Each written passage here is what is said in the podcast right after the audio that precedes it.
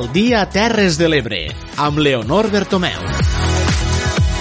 Hola, bon migdia. Benvinguts a l'edició d'este dijous 7 de maig de l'Aldia Terres de l'Ebre. Ens trobem ja al dia 54 de confinament i tot fa preveure que les Terres de l'Ebre entrarem ja el pròxim dilluns en la fase 1 de la desescalada, el que implica llibertat de moviment per a la ciutadania i la reobertura d'alguns establiments i serveis garantint la distància de seguretat. El Departament de Salut ja ha fet arribar la proposta al govern espanyol. Us ho explicarem al programa d'avui que posem en marxa tot seguit recordant-los les persones que cada dia fem possible este programa. Ells són Tere Pere Giné i Clara Sigui des de la Plana Ràdio, Núria Mora, Clàudia Ruiz i Xavier Falcó des de Ràdio Tortosa, Laia Oltra, Francesc Callau i Daniel Rodríguez des de la Cala Ràdio, Judit Castells i Jonathan Valls de Ràdio Joventut, Eduard Carbona des de Ràdio Delta i Tomàs Ginestra, Jordi Galo i Manel Ramon des de Amposta Ràdio. Com cada dia, comencem el programa amb el repàs als titulars més destacats de la jornada.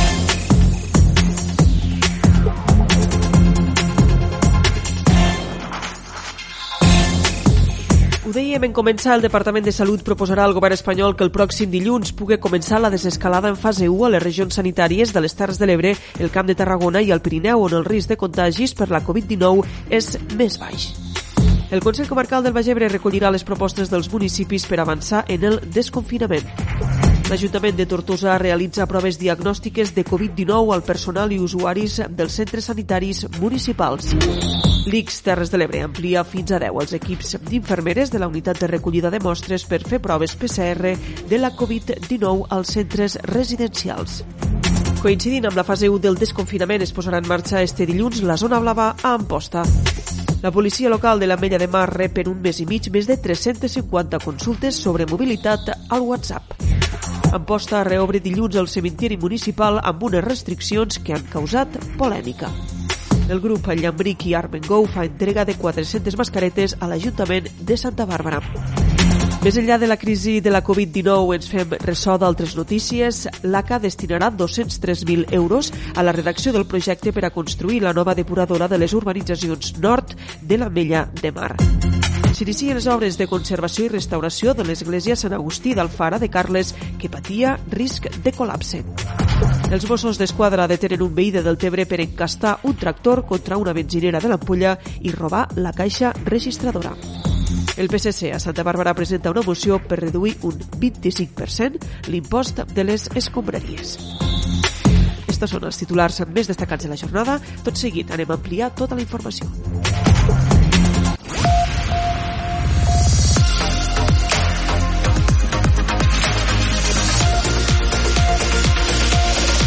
Al dia, les notícies de les Terres de l'Ebre.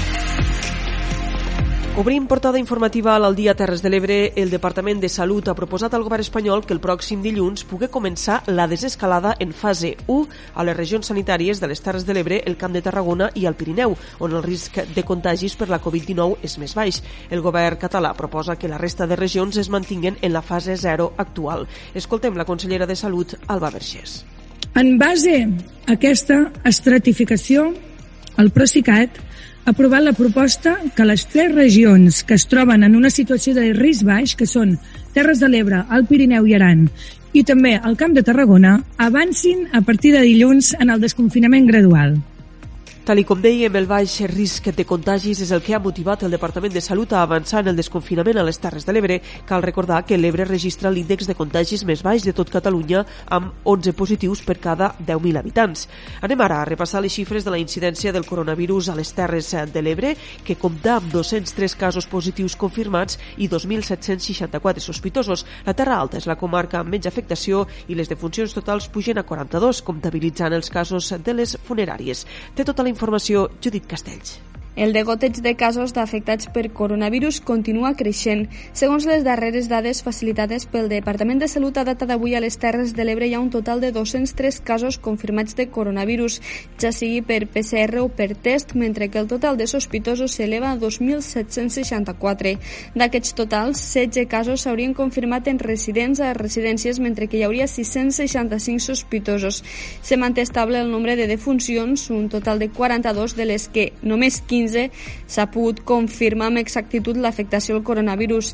La resta, els 27 restants, són sospitosos. La incidència de la pandèmia al territori, però, no ha estat a tot arreu igual. Si ens fixem per comarques, la Terra Alta ha estat la que ha tingut menys afectació amb un total de 9 positius i 231 sospitosos. La població d'Arnes, amb 0 positius i 5 sospitosos, va al capdavant, seguida de Bot i del Pinell de Brai, Vilalba dels Arcs i Batea, on tampoc s'ha confirmat cap cas, tot i que en aquesta darrera població hi ha 63 sospitosos. Com a casos paradigmàtics hi ha el de la capital, de Gandesa, que amb només un cas positiu registrat registrat hi ha 99 sospitosos. El poble amb més casos confirmats és Càceres amb 3.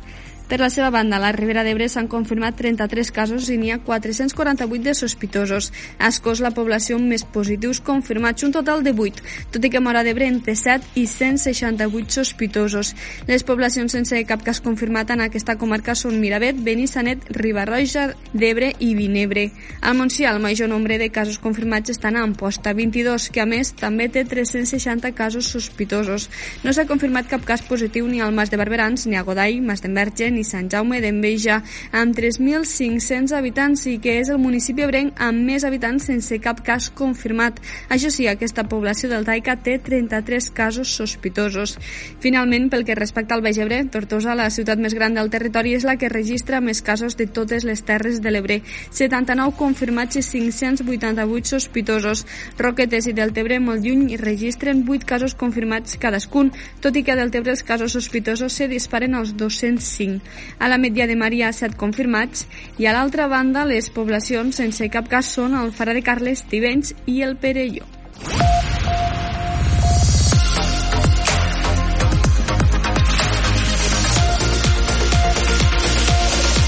Al dia. La necessitat d'avançar en la desescalada al nostre territori es fa encara més evident en els pobles menuts. Avui Judit Castells ens apropa la realitat de Masdenverge, que en plena fase zero de la desescalada per la Covid-19 mostra una imatge amb carrers tranquils on veïns i veïnes poden sortir a passejar gairebé sense restriccions horàries, una situació semblant a la que s'està vivint a la resta de municipis ebrencs amb menys de 1.000 habitants. Lluny de les aglomeracions de gent que s'han viscut a les grans ciutats durant la primera fase de la desescalada, els carrers de Mas de Merge llueixen calmats amb una certa pau acompanyada pel fet que al municipi no hi ha hagut cap cas confirmat de coronavirus, una situació que s'ha repetit en altres poblacions ebrenques petites com Godall, La Galera, Mas de Barberans, Tivenys, Pinell de Brai, Bot, Arnes, Miravet, Vinebre, Vilalba dels Arcs o Benissanet. Cal sumar també que el confinament en aquests municipis, constituïts bàsicament per cases particulars i envoltats de natura, ha fet que el confinament confinament domiciliari hagi sigut més portador. Així ens ho explica Sílvia Alagosa, veïna de Mas d'Enverge. Al ser poble petit no han viscut com a les capitals, és diferent. Sí que estàvem a casa confinats, però no és el mateix que viure a pisos, també, tens la majoria tothom té cases, llavors doncs, tens terrasses o tens un trosset de jardí i llavors doncs, ho passaves, diguéssim, una mica millor però bueno, pues sempre en aquella cosa perquè pues, no sabies el temps que et duraria, vam tenir que parar de treballar, i clar, ha sigut un canvi radical en la vida, els xiquets pues, sense col·le, sense institut, les activitats programades per distreure el veïnat i fer poble han estat tot un èxit allí on s'han organitzat. Parla la regidora de la ràdio a l'Ajuntament de Mas d'Enverge, Lourdes Adell. Divendres a la tarda han ficat música en la ràdio i combinat amb la megafonia del poble perquè la gent així per les tardes s'animigui una mica i no se sentigui tan, tan confinada. La gent ha sortit a les terrasses i en diumenge també fem, han fet l'hora del vermut, de les 12 a la una i mitja han fet l'hora del vermut i han fet programes en peticions, la gent s'ha animat molt, la veritat, i també eh, llavors en divendres pues, el senyor René, l'alcalde, ha fet eh, per la tarda feia, alguna, feia comunicats de tot com estava tot el poble, el confinament, tot com ho anaven, ho anaven fent, a més d'Enverge han aprofitat aquesta primera desescalada per desinfectar i pintar l'escola. Sembla que la normalitat avança més ràpidament als pobles on viuen menys habitants. I a tot això afegim que el Consell Comarcal del Baix Ebre recollirà les propostes dels municipis per avançar en el desconfinament. És una de les qüestions que es va abordar ahir en el Consell d'Alcaldes, que es va reunir per primera vegada de forma telemàtica per videoconferència i que va servir també per a fer un seguiment dels serveis que presta l'ens comarcal durant la crisi sanitària. És una crònica de Núria Mora. La qüestió més rellevant tractada en aquest Consell d'Alcaldes del Baix Ebre celebrat ahir ha estat quines han de ser les pautes a seguir a la comarca per la desescalada, tenint en compte que les Terres de l'Ebre són la regió sanitària del país amb menys casos confirmats de Covid-19, 11 per cada 100.000 habitants, i entrarà dilluns en la fase 1 del desconfinament. Qüestions com la reobertura dels consultoris mèdics, l'obertura de les piscines municipals, les colònies d'estiu o les festes majors són alguns dels temes que preocupen els representants locals. El president del Consell Comarcal del Baix Ebre, Xavier Faura, ha assegurat que es recolliran totes les inquietuds i propostes dels diferents municipis i es configurarà a partir d'aquí una proposta de desconfinament asimètric que es traslladarà al Departament de Salut i al govern català. Pues bé, em va demanar això, que li féssim, fes esmena poble per poble, com volien sortir d'aquest desconfinament asimètric, quines mesures pensàvem plantejar pel que eren les piscines, pel que era la casa de les colònies, pel que era la hipòtesi de celebrar festes majors. De clar, hi ha coses que no es podran celebrar. El ball difícilment el podràs celebrar perquè tens que estar a menys de, de la distància reglamentària de l'altra persona, però potser la presentació dels podries o potser alguna actuació així potser sí que es podria. No? Eh, això ho he traslladat als pobles, hem quedat una setmana, em diran alguna coseta, i en funció d'això nosaltres farem confeccionarem un pla de, de una proposta perdó, de pla de desconfinament per a les, per a, per a, per a, és el Baix Ebre adequat a la realitat de cada un dels nuclis de població de cada un dels D'altra banda, el govern comarcal del Baix Ebre treballa en la redacció d'un pla de dinamització post-Covid-19 que abarcarà tots els àmbits, però del qual encara no se n'han volgut donar més detalls. I és que la setmana que ve es donarà a conèixer a tots els consellers i posteriorment ja s'enviarà als ajuntaments. D'altra banda, el president comarcal del Baix Ebre ha fet un repàs dels serveis prestats per l'ens comarcal durant la crisi sanitària en aquest Consell d'Alcaldes. En aquest sentit, Faura ha recordat que s'ha incrementat l'atenció a usuaris de l'àrea bàsica de serveis socials en un 13%. S'han repartit 1.112 targetes moneder a famílies amb alumnes que disposen de beca menjador i s'ha suspès el contracte de subministrament de menú als menjadors escolars de la Mercè i Remolins. També s'ha aprovat una moratòria en el pagament del lloguer a les empreses instal·lades al viver de Camarles, així com a les estacions de Benifallet i Aldover, i s'ha renovat el conveni entre Bagebre Innova i Microbank per incentivar l'autoocupació i l'activitat emprenedora. Finalment, el president comarcal ha informat als alcaldes que a partir d'aquest dilluns que ve, els serveis socials d'atenció primària es desplaçaran ja als ajuntaments per fer atenció presencial amb cita prèvia. Es dotarà el personal assistencial del corresponent EPI, mascareta, guants i pantalla protectora. També es reobrirà al públic l'atenció a la ciutadania a l'edifici del Consell Comarcal a Tortosa. Seguim endavant al dia Terres de l'Ebre. L'Ajuntament de Tortosa està realitzant esta setmana proves diagnòstiques per a la detecció del coronavirus entre els professionals dels dos centres sanitaris de titularitat municipal. És una crònica de Clàudia Ruiz. Les proves PCR també s'estan duent a terme entre els usuaris dels equipaments. Han començat per l'Hospital de la Santa Creu amb una trentena de proves serològiques als professionals que han donat negatiu en tots els casos. Al llarg dels pròxims dies es realitzaran a la resta de les 420 persones de la plantilla. Les proves també es faran al personal de la clínica Terres de l'Ebre. L'alcaldessa de Tortosa ha dit que amb aquestes proves volen que els sanitaris treballen amb una major seguretat. Ho hem fet quan ha estat possible adquirir estos tests i a la vegada tenim present també que ja s'estaven fent i ja s'havien finalitzat els tests fets també a la pròpia residència de, del mateix centre. En aquest sentit, l'objectiu és garantir la seguretat, donar uns mitjans millors per tal de poder treballar i per tal d'estar en aquest espai, especialment a l'Hospital de la Santa Creu de Jesús, on hi ha hagut malalts Covid i encara hi ha malalts Covid i, per tant, la possibilitat de poder treballar amb molta més tranquil·litat i amb molta més certesa respecte a quina és la situació dels treballadors i treballadores treballadores dels equipaments de salut de l'Ajuntament de Tortosa. D'altra banda, des d'avui dijous, l'Hospital Verge de la Cinta de Tortosa recupera les operacions de traumatologia urgent. Aquestes fins ara s'anaven fent des de l'Hospital Comarcal de Mora d'Ebre per l'aplicació del Pla de Contingència per la pandèmia de la Covid-19. Es tracta d'una de les primeres accions de desescalada dels serveis hospitalaris de la regió sanitària de l'Ebre que s'aniran concretant en els pròxims dies. En aquest punt, els responsables de la gerència sanitària han volgut agrair la col·laboració dels professionals i la comprensió de la ciutadania en aquest període. Assenyalen que les mesures s'han pres per garantir la qualitat assistencial, però també per la seguretat tant de pacients com de professionals. I a aquesta informació afegim que l'Institut Català de la Salut a les Terres de l'Ebre ha ampliat de 4 a 10 els equips d'infermeres de la unitat de recollida de mostres per fer proves PCR de la Covid-19. La unitat estava integrada per un coordinador i quatre equips d'infermeres. Està ubicada en un espai exterior annex a l'Hospital Verge de la Cinta i hi treballen en horari de 8 del matí a 8 del vespre els 7 dies de la setmana. Atès el gran volum d'usuaris, la unitat s'ha reforçat amb 10 infermeres més de diferents equips d'atenció primària i s'han contractat 10 infermeres pregraduades que donen suport a la tasca. Les mostres es prenen a sanitaris, usuaris sospitosos de contagi, col·lectius vulnerables i pacients de l'hospital que s'han de sotmetre a alguna operació quirúrgica.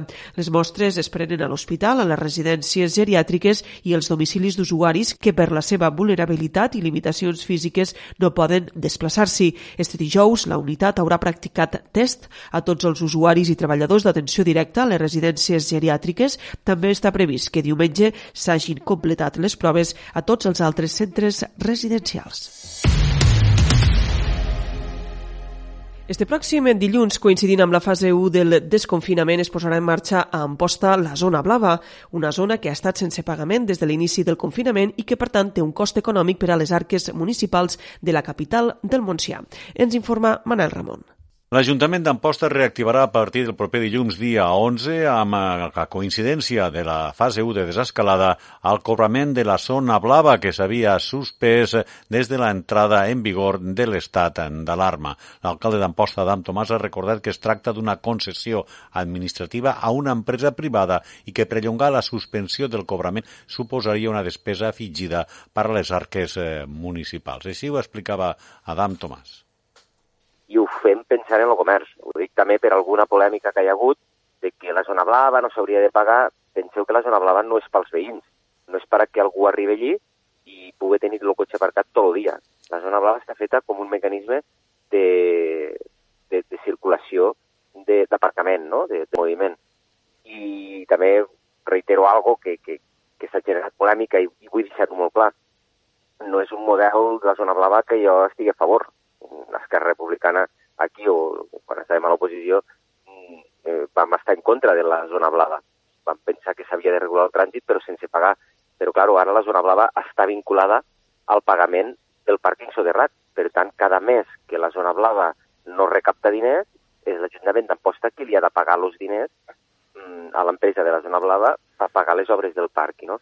L'alcalde d'Amposta recordar que s'estan esmerçant tots els esforços i recursos per poder ajudar al teixit empresarial i a les famílies de la ciutat i calen tots els recursos possibles, recordant que si es manté la suspensió de la zona blava durant més temps, el cost que això tindria podria fer inviable altres accions municipals d'ajut als més desafavorits.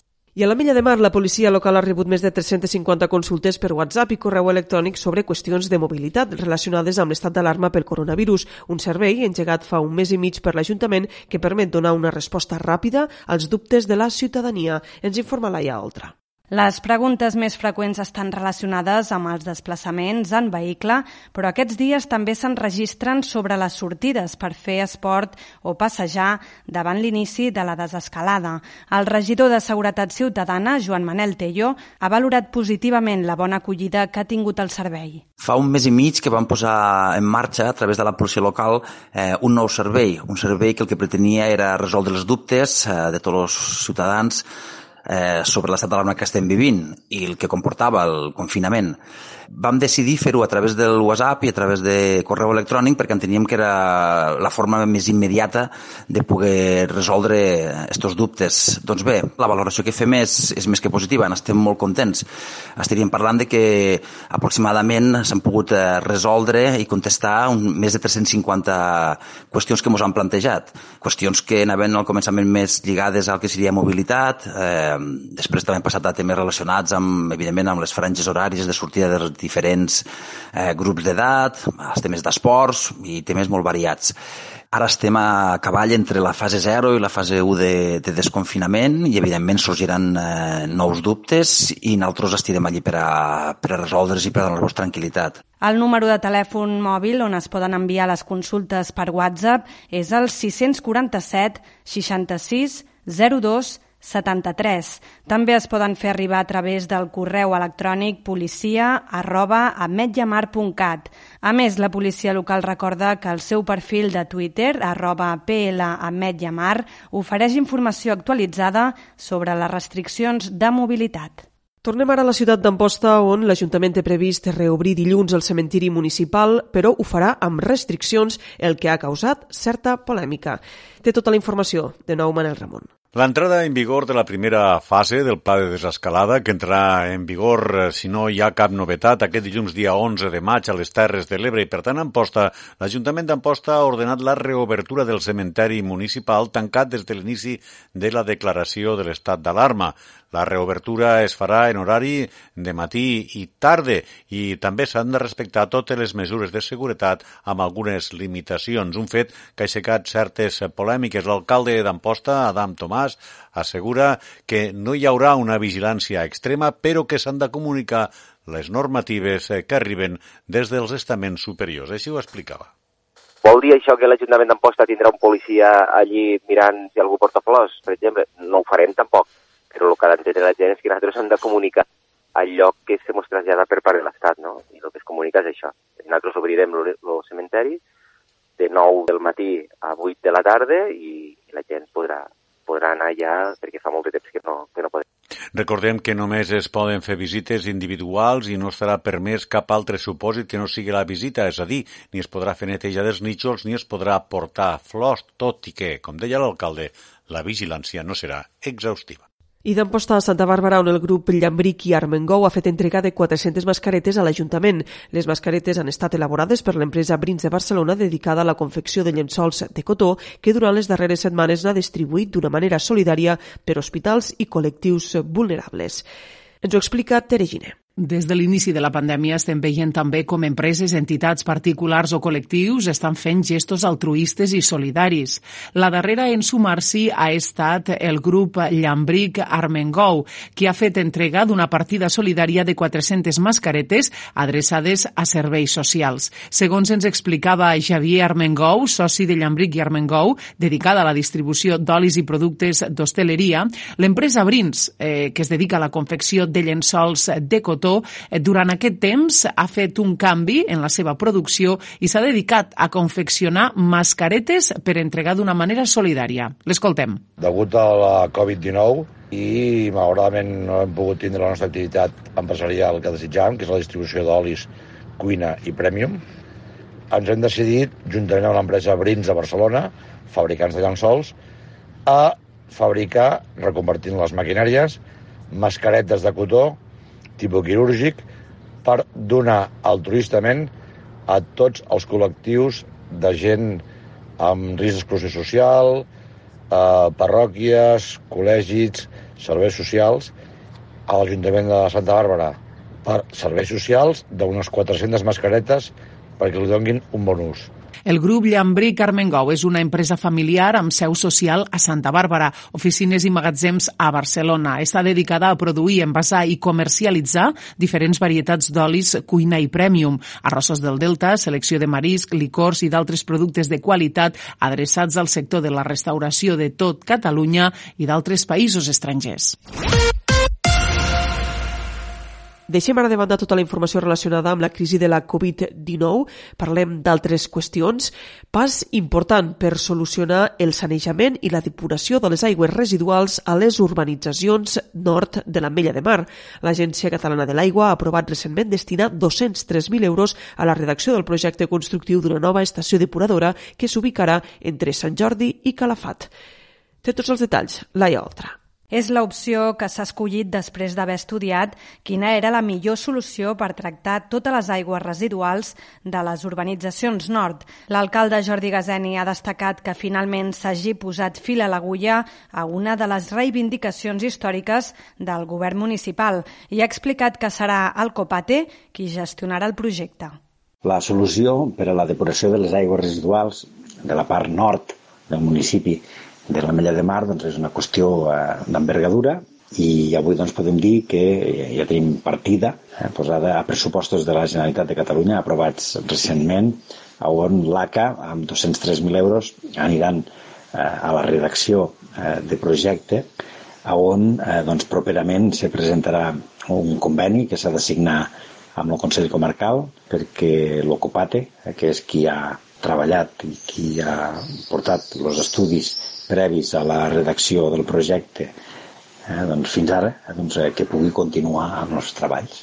Una altra de les demandes de l'Ajuntament, que també s'ha reprès, és l'ampliació de la depuradora actual, que es troba des de fa anys al límit de la seva capacitat. Fa més d'una dècada que es va redactar un projecte constructiu i recentment l'ACA ha encarregat la seva revisió per actualitzar-lo i poder estudiar els costos de l'actuació. A les inversions en les depuradores del municipi s'han de sumar altres obres a la xarxa de sanejament que s'estan desenvolupant o que estan previstes en breu. Per exemple, l'acabament del col·lector que derivarà a les aigües residuals del sud del terme o la reparació de l'emissari submarí malmès pel temporal Glòria. Més qüestions a l'Aldia Terres de l'Ebre. Avui dijous s'han posat en marxa les obres de conservació i restauració de l'església parroquial de Sant Agustí d'Alfara de Carles, que patia risc de col·lapse. Concretament, s'inicia la fase 1, que consisteix en la restauració de les cobertes. Ens informa Clàudia Ruiz.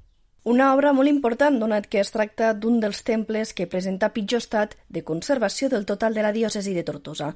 La construcció data de la segona meitat del segle XVIII i d'estil barroc i més classicista a l'interior, que està declarat bé cultural d'interès local. Però la seva torre campana va ser declarada bé cultural d'interès nacional, ja que és una torre defensa d'origen medieval. El pas del temps ha fet sorgir un conjunt de patologies que fan necessària una intervenció. Des d'importants humitats, esquerdes i fissures a una teulada de plaques de fibrociment fins a un mal estat de conservació del cel ras que podria provocar un despreniment. El sacerdot de la parròquia, Miquel Gasulla, assenyala la importància de l'obra ja que el mal estat del temple els feia celebrar els oficis a l'entrada de l'edifici. Però tenia que celebrar la missa a l'entrada en, una, en una taula i uns banys molt malament i no eren dignes ni còmodes, no? I a més que per això, perquè els pobles petits, l'església, si no hi ha cap altre monument, una cosa així més, més significativa i més important pues, és el més gran que tenen. No? I és la història també d'un poble, no només la història de la gent creient, sinó la història perquè per a mi pues, no l'han passat tots en moltes, ja van passar, ja van passar en circumstàncies favorables o no favorables, però és la història també d'un poble. No? Les obres s'han dividit en dues fases. En la primera, que tot just s'engega avui, constarà en l'eliminació de fibrociment, la retirada del cel ras, la reconstrucció de les cornises perimetrals desaparegudes i la recuperació de les finestres laterals per dotar-li de més il·luminació, entre moltes altres actuacions. S'aprofitarà també per instal·lar una nova estructura de fusta que generarà l'efecte visual de les corbes per recordar les voltes desaparegudes, donat que la seva reconstrucció la feia inviable. Les obres de la primera fase han estat adjudicades a l'empresa Obres Tomàs Estrada per més de 140.000 euros i pel que fa a la retirada de la coberta de fibrociment a Olegario Estrada per un import de gairebé 8.000 euros. El finançament correrà a càrrec del Bisbat de Tortosa, la Diputació de Tarragona i el Departament de Cultura. I atenció ara a esta notícia, els Mossos d'Esquadra han detingut un veí de Deltebre per encastar un tractor contra una benzinera de l'Ampolla per a robar la caixa registradora. Els fets van ocórrer als vols de les 2 de la matinada el passat 25 d'abril en ple confinament, quan va saltar l'alarma d'una benzinera ubicada a la carretera TV Baixa 3401 a l'Ampolla. Un cop al lloc, el responsable de la benzinera i els Mossos d'Esquadra van observar que l'establiment tenia la persiana metàl·lica exterior arrencada, la porta principal tombada al terra i que n'havien sostret la caixa registradora. Les càmeres de seguretat de l'establiment van permetre determinar que el lladre havia encastat un tractor que portava una pala al davant contra l'accés principal de la botiga. Amb les imatges de la càmera de seguretat i l'anàlisi dels dibuixos dels pneumàtics, que eren diferents a les quatre rodes, els Mossos van identificar i localitzar el vehicle agrícola en una finca situada a només 4 quilòmetres de la benzinera, ubicada a la mateixa carretera TV-3401. Finalment es va detindre l'home, un veí de Deltebre de 27 anys, anys que va resultar ser un familiar del propietari del tractor. El detingut amb antecedents policials per delictes similars va quedar en llibertat després de declarar en seu policial i està ara a l'espera de compareixer davant el jutge. I acabem la informació municipal a Santa Bàrbara, on el PSC va incloure al darrer ple municipal una moció en la que demanava la reducció de la taxa d'escombraries com a conseqüència de la Covid-19 i a la qual només hi van votar-hi a favor el grup del Moviment Alternatiu Planer i el Partit Popular. És una crònica de Tere Giner. Segons explicava Eva Frank, líder del Partit dels Socialistes, aquesta moció es presenta precisament eh, perquè l'Ajuntament ha d'estar al costat de la gent quan s'ho passa malament econòmicament. Per això demanaven una reducció del 25% de rebaixa en la taxa d'escombreries. Entenem que el nostre Ajuntament ha d'estar al costat de la gent quan s'ho passa malament econòmicament i una bona mesura que està a l'abast dels recursos econòmics del nostre Ajuntament seria que aquest any 2020 es rebaixi l'import de la taxa d'escombraries a totes les llars, comerços i empreses del nostre poble. El grup del MAP va donar-hi suport a aquesta mesura. Escoltem Isabel Garcia. Sembla bé al nostre partit, és una mesura que eh, és important per a la gent del poble perquè com a mínim algo, algo d'aire els hi entrarà en aquest sentit i bé, en principi nosaltres estem totalment a favor. Joaquim Martí del Partit Popular estava d'acord amb aquesta mesura de la reducció de la taxa d'escombreries, tot i recordar que els regidors també haurien de donar exemple. Crec o creiem que hauríem de donar una mica d'exemple de, també. O sigui, la població eh, sap que són els 11 regidors que hi ha al poble, però crec que hauríem de fer entre tots un esforç i pues, fer alguna aportació al poble o deixar de cobrar uns honoraris i dedicar-ho a, algun, alguna, alguna entitat. Per la seva part, Esquerra Republicana de Catalunya no va votar a favor perquè recorda que no tothom ha deixat de guanyar diners amb la situació actual. Vale? No, és no és popular dir que no va ser unes taxes, però clar, tothom hem de tindre en compte que no tothom ha deixat de, de guanyar diners. Jo crec que les ajudes han d'anar una miqueta directes a la gent que ho ha patit. Finalment, Antoni Ollés, l'alcalde de Santa Bàrbara, explicava que tot i reconèixer que la intenció era bona per part del grup dels socialistes, no creu creuen que sigui la millor manera. Un rebut que la gent paga a l'agost, si alguna persona té problemes ara perquè s'ha quedat a l'atur o perquè el comerç que tenia l'ha tingut que tindre tancat, estem a l'abril, i li dius tranquil que a l'agost pues, t'estalviaràs 25 euros del rebut de l'escola. Penso que en això no lo, no lo traurem de cap, de cap problema gros. Finalment, la moció no es va aprovar. Tot i això, l'Ajuntament de Santa Bàrbara farà una injecció de 21.000 euros destinada a oferir als comerços i autònoms del nostre poble una ajuda arran de la Covid-19.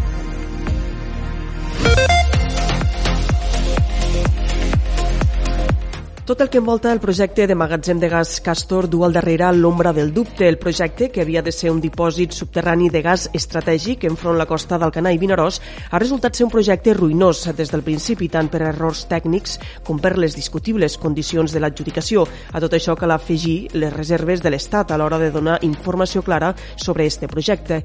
L'última mostra la tenim esta mateixa setmana, ja que el govern del PSOE i Podem s'ha negat a mostrar els informes tècnics que van avalar el projecte Castor, uns informes sol·licitats pel senador ebrenc d'Esquerra Republicana, Miquel Aubà. Ara volem abordar aquesta qüestió en més profunditat a l'Aldia Terres de l'Ebre i saludem al senador Aubà. Miquel, bon dia i benvingut a l'Aldia Terres de l'Ebre. Hola, molt bon dia. Explica'ns com ha anat tot plegat, quins són els informes que ha sol·licitat i quins són els motius que li han donat per a denegar-li-ho. Bé, eh, són bueno, els informes que envolten tot el cas de, del Castor, que ja es van demanar també a través de l'acció parlamentària que es va fer al Parlament de Catalunya, en la Comissió d'Investigació, i també es van negar.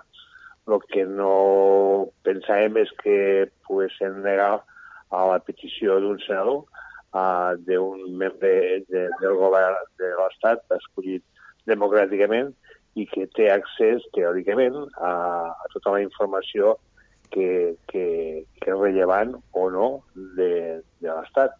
I, per tant, eh, aquesta negació que s'ha fet de, de la informació que nosaltres havíem demanat, de diversos informes, són diversos informes que demanem de, de, del Castor, eh, ha arribat a, a la conclusió de que no es pot eh, mostrar aquesta informació perquè està judicialitzada. Eh, no entenem esta, esta proposta o esta contesta del govern Eh, primera perquè realment no estem demanant una comissió d'investigació, que sí que ja la vam demanar i es va negar, a, a, a, alegant que eh, hi havia un, un judici paral·lel als, als tribunals i que això impedia que es juzgués políticament, diguem no? Però el que és informació sobre tot això, eh, jo entenc que, que es pot donar perquè no estem fent un judici ni estem demanant que un judici, que també ho demanarem, que es faci una comissió d'investigació al Congrés o al Senat, però ara de moment això no demanem, demanem només els informes que valen o no, segons nosaltres crec que no, eh, la posta en marxa d'aquests magats de, eh, de, de gas subterrani i que va envoltat, com, com ja sabeu, de tot un seguit d'adjudicacions eh, que entenem que no són correctes, eh, d'un projecte inacabat i mal, mal estructurat i que tots coneixem les conseqüències que va tindre, primer de, de, de perill per la, per la vida física, de, en aquest cas dels ebrencs i de la gent de, de Vinaròs i dels voltants de, de la plataforma, però per les conseqüències on ha sigut un, un, un despendi de, de diners que al final acaba pagant eh, els contribuents o, o, o, l'utilització del gas, no?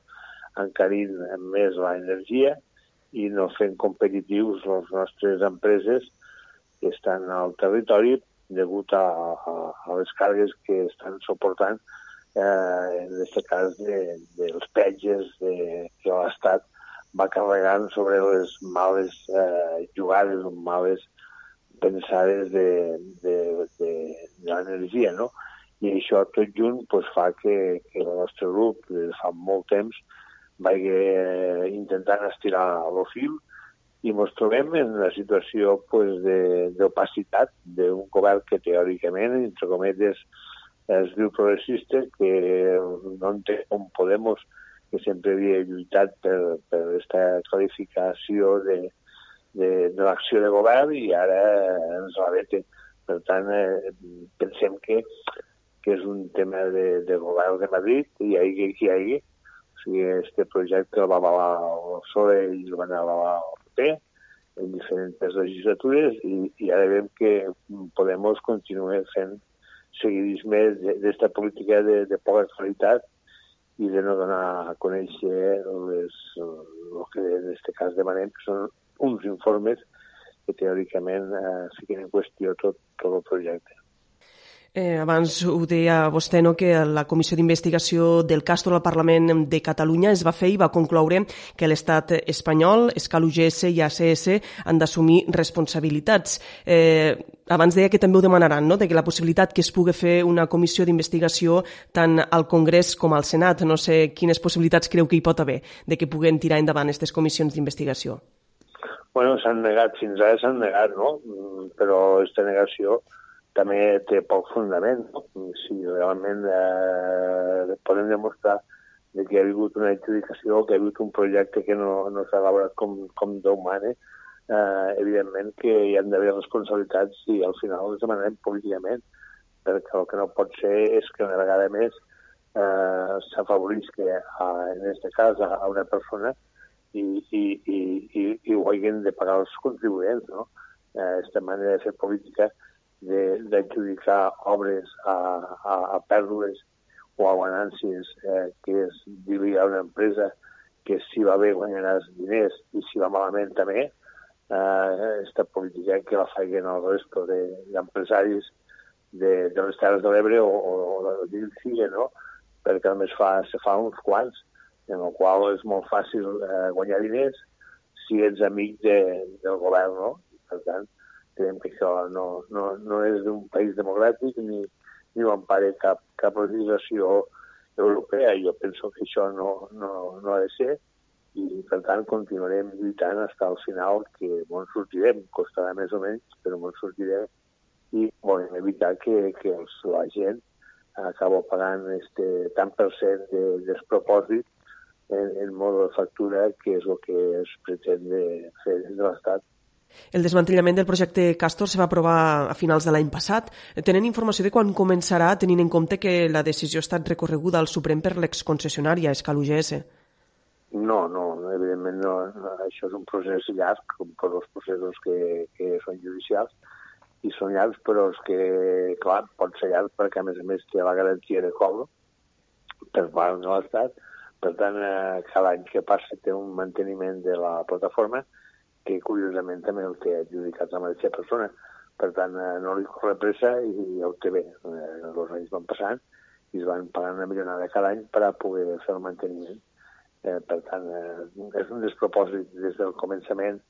Jo penso que fins al final, fins al moment de que es desmantello i es retornen les finques que es van expropiar de manera il·lícita als propietaris de, de, de terrenys per poder fer la canonització de la plataforma a la, a la costa, mentre no acabo tot això, doncs hi ha un despropòsit i hem de lluitar, jo crec que hem de lluitar perquè així ens ho demana la gent i per això vam ser escollits a, a, a, per altres i per altres coses, però sobretot per, per defensar el territori vam ser escollits com a, com a senador, en el meu cas, per la demarcació de Tarragona i penso continuar lluitant eh, contra un gegant que és l'Estat, però que poquet a poquet jo penso que els anirem sostovant perquè eh, ja està bé d'aquestes polítiques que només afavoreixen un, un, una part de, de la societat i la, mentre la de més pagui. No?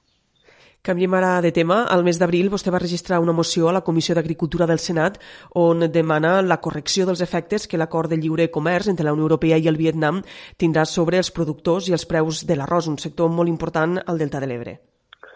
Bé, eh, són aquells acords que, que ens estem acostumbrats a la Comunitat Econòmica Europea, que jo entenc que en alguns eh, països de la comunitat doncs hi va bé, però que van en decriment d'Espanya de, de i concretament de les Terres de l'Ebre. I referisco a, a aquest acord que fes referència de, de, de que és l'arròs, però també com vam fer al seu moment en el cítric. Pel que fa a l'acord entre la Unió Europea i el Vietnam, que afectarà els preus de l'arròs, eh, també s'agreujarà amb l'entrada en vigor del, de l'acord amb Mercosur. Sí, eh, eh, entre, estan, estaran permeses de moltes tones d'arròs, de, de, de, de semblants a, a les que es produeixen aquí, eh, en un valor de mercat eh, molt més baix, i per tant això influirà eh, molt directament en, en, en la producció d'aquí. Ja és una producció que han perdut en els últims anys.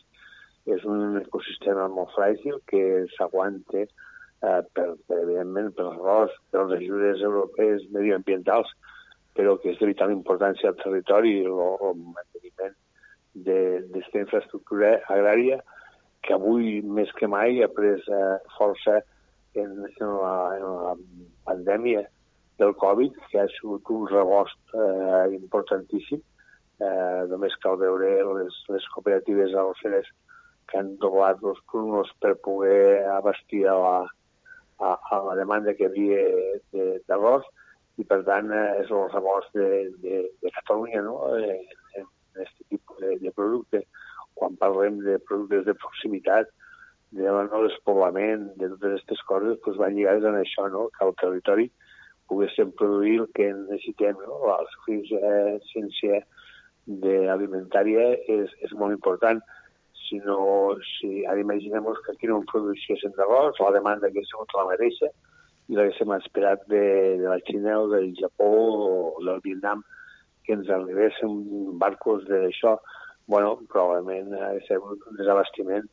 Eh, per tant, és la importància que té la producció pròpia de, de, de, dels productes alimentaris de proximitat, que sabem que tenen unes normes de, de sanitat eh, perquè les aplicacions de productes fitosanitaris estan a Europa i a Espanya estan molt, molt regulats i per tant donen una garantia molt alta. Tot el més que ve dels altres països, pues, com hem vist eh, en Sud-àfrica, les condicions dels pesticides no són les mateixes que aquí, per tant, eh, hem de lluitar per, primer per la qualitat dels productes, però també pels pagesos de, de la zona, perquè, evidentment, eh, quan tenim baixades de preus, de, com han passat en el cítric, i poden passar en l'arròs, doncs acaben eh, de, de, sent una, una, un territori despoblat i que la gent no pot viure de, del que produeix i això és el que menys ens interessa. Doncs Miquel Aguà, senador d'Esquerra Republicana, moltes gràcies per ser avui a l'Aldia Terres de l'Ebre i fins una altra. Molt bé, moltes gràcies.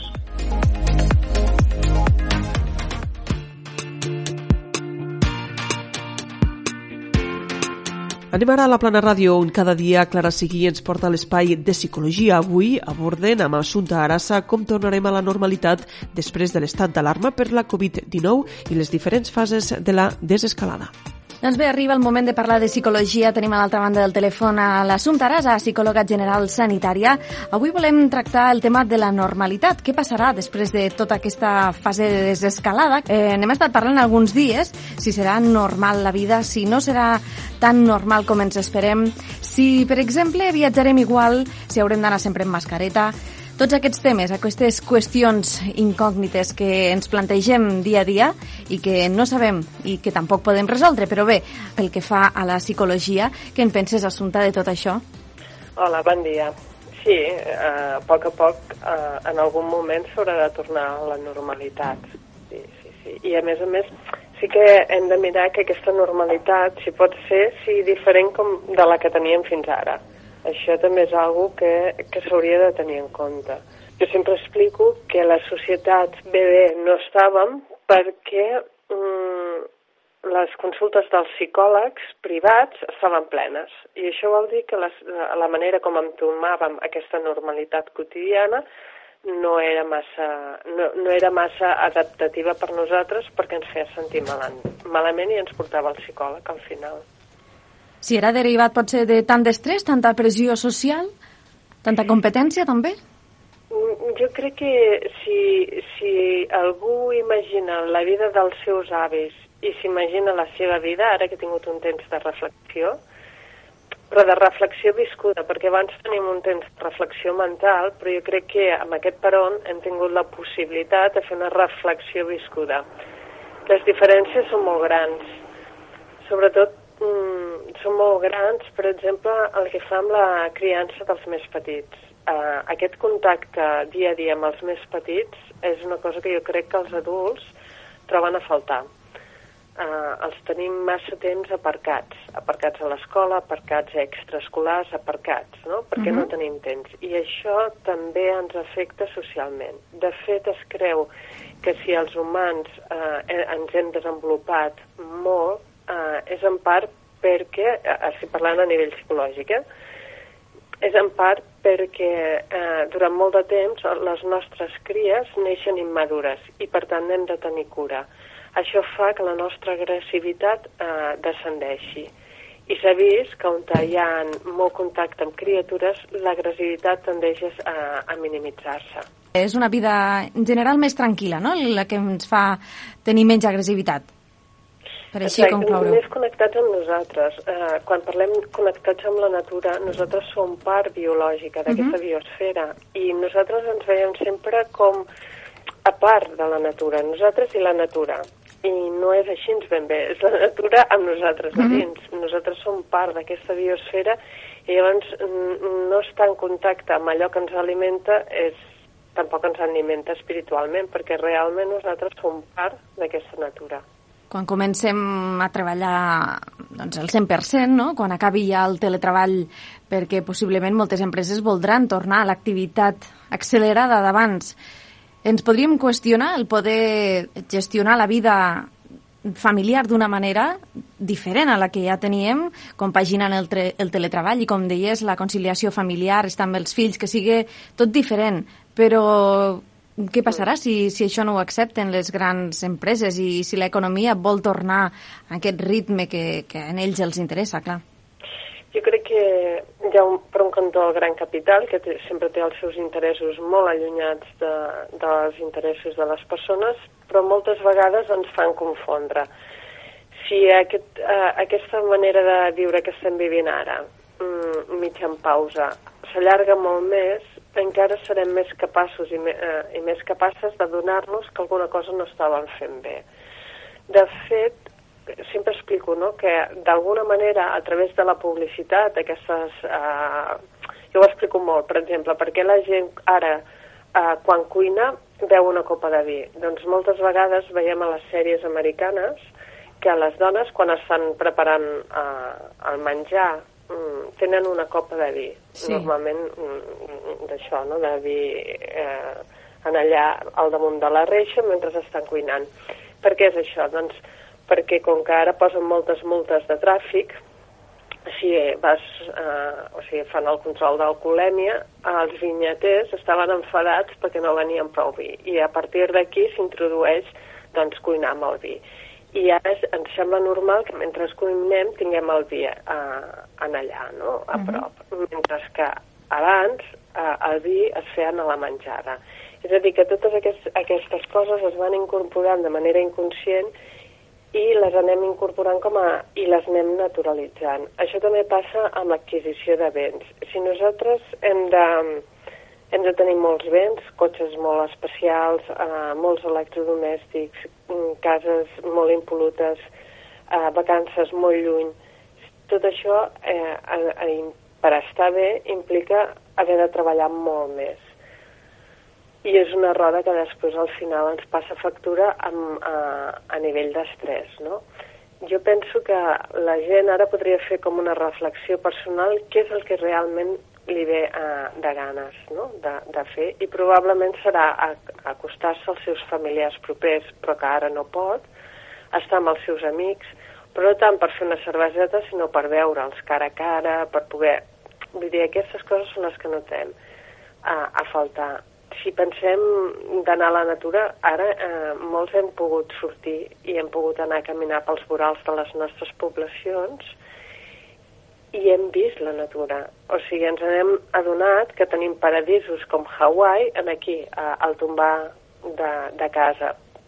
Fins ara els teníem, però no anàvem a caminar allà. Ha sigut aquest confinament que ens ha obligat a estar tant a casa que quan hem pogut sortir ja només poder respirar l'aire de fora, uf, sembla que, que tot s'hagi tornat més màgic, no?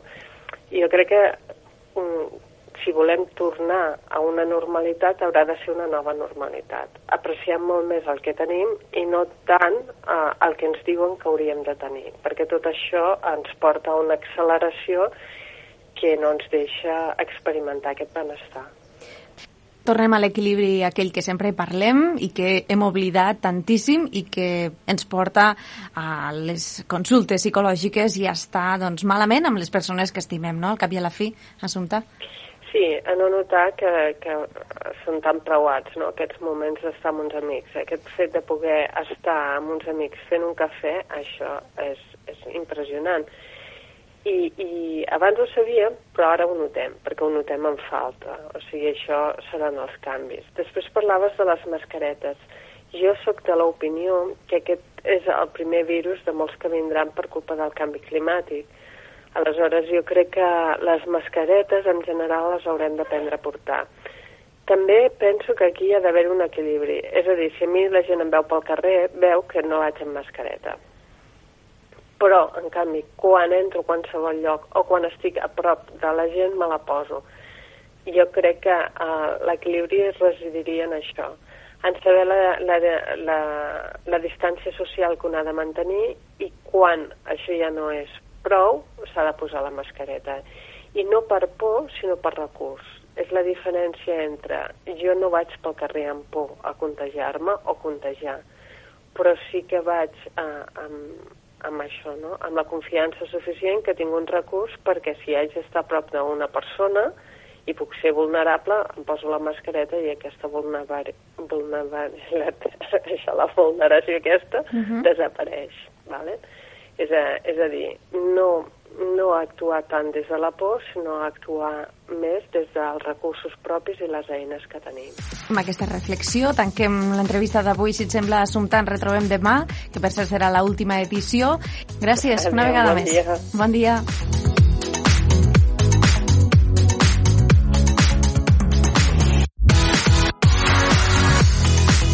Arribem ja al punt final de l'edició d'avui de l'Aldia Terres de l'Ebre, un programa que, com sabem, el fem cada dia amb el suport de Ràdio Tortosa, Amposta Ràdio, La Plana Ràdio, Ràdio Joventut, Ràdio Delta i La Cala Ràdio. Això és tot, ens retrobem demà a la una del migdia.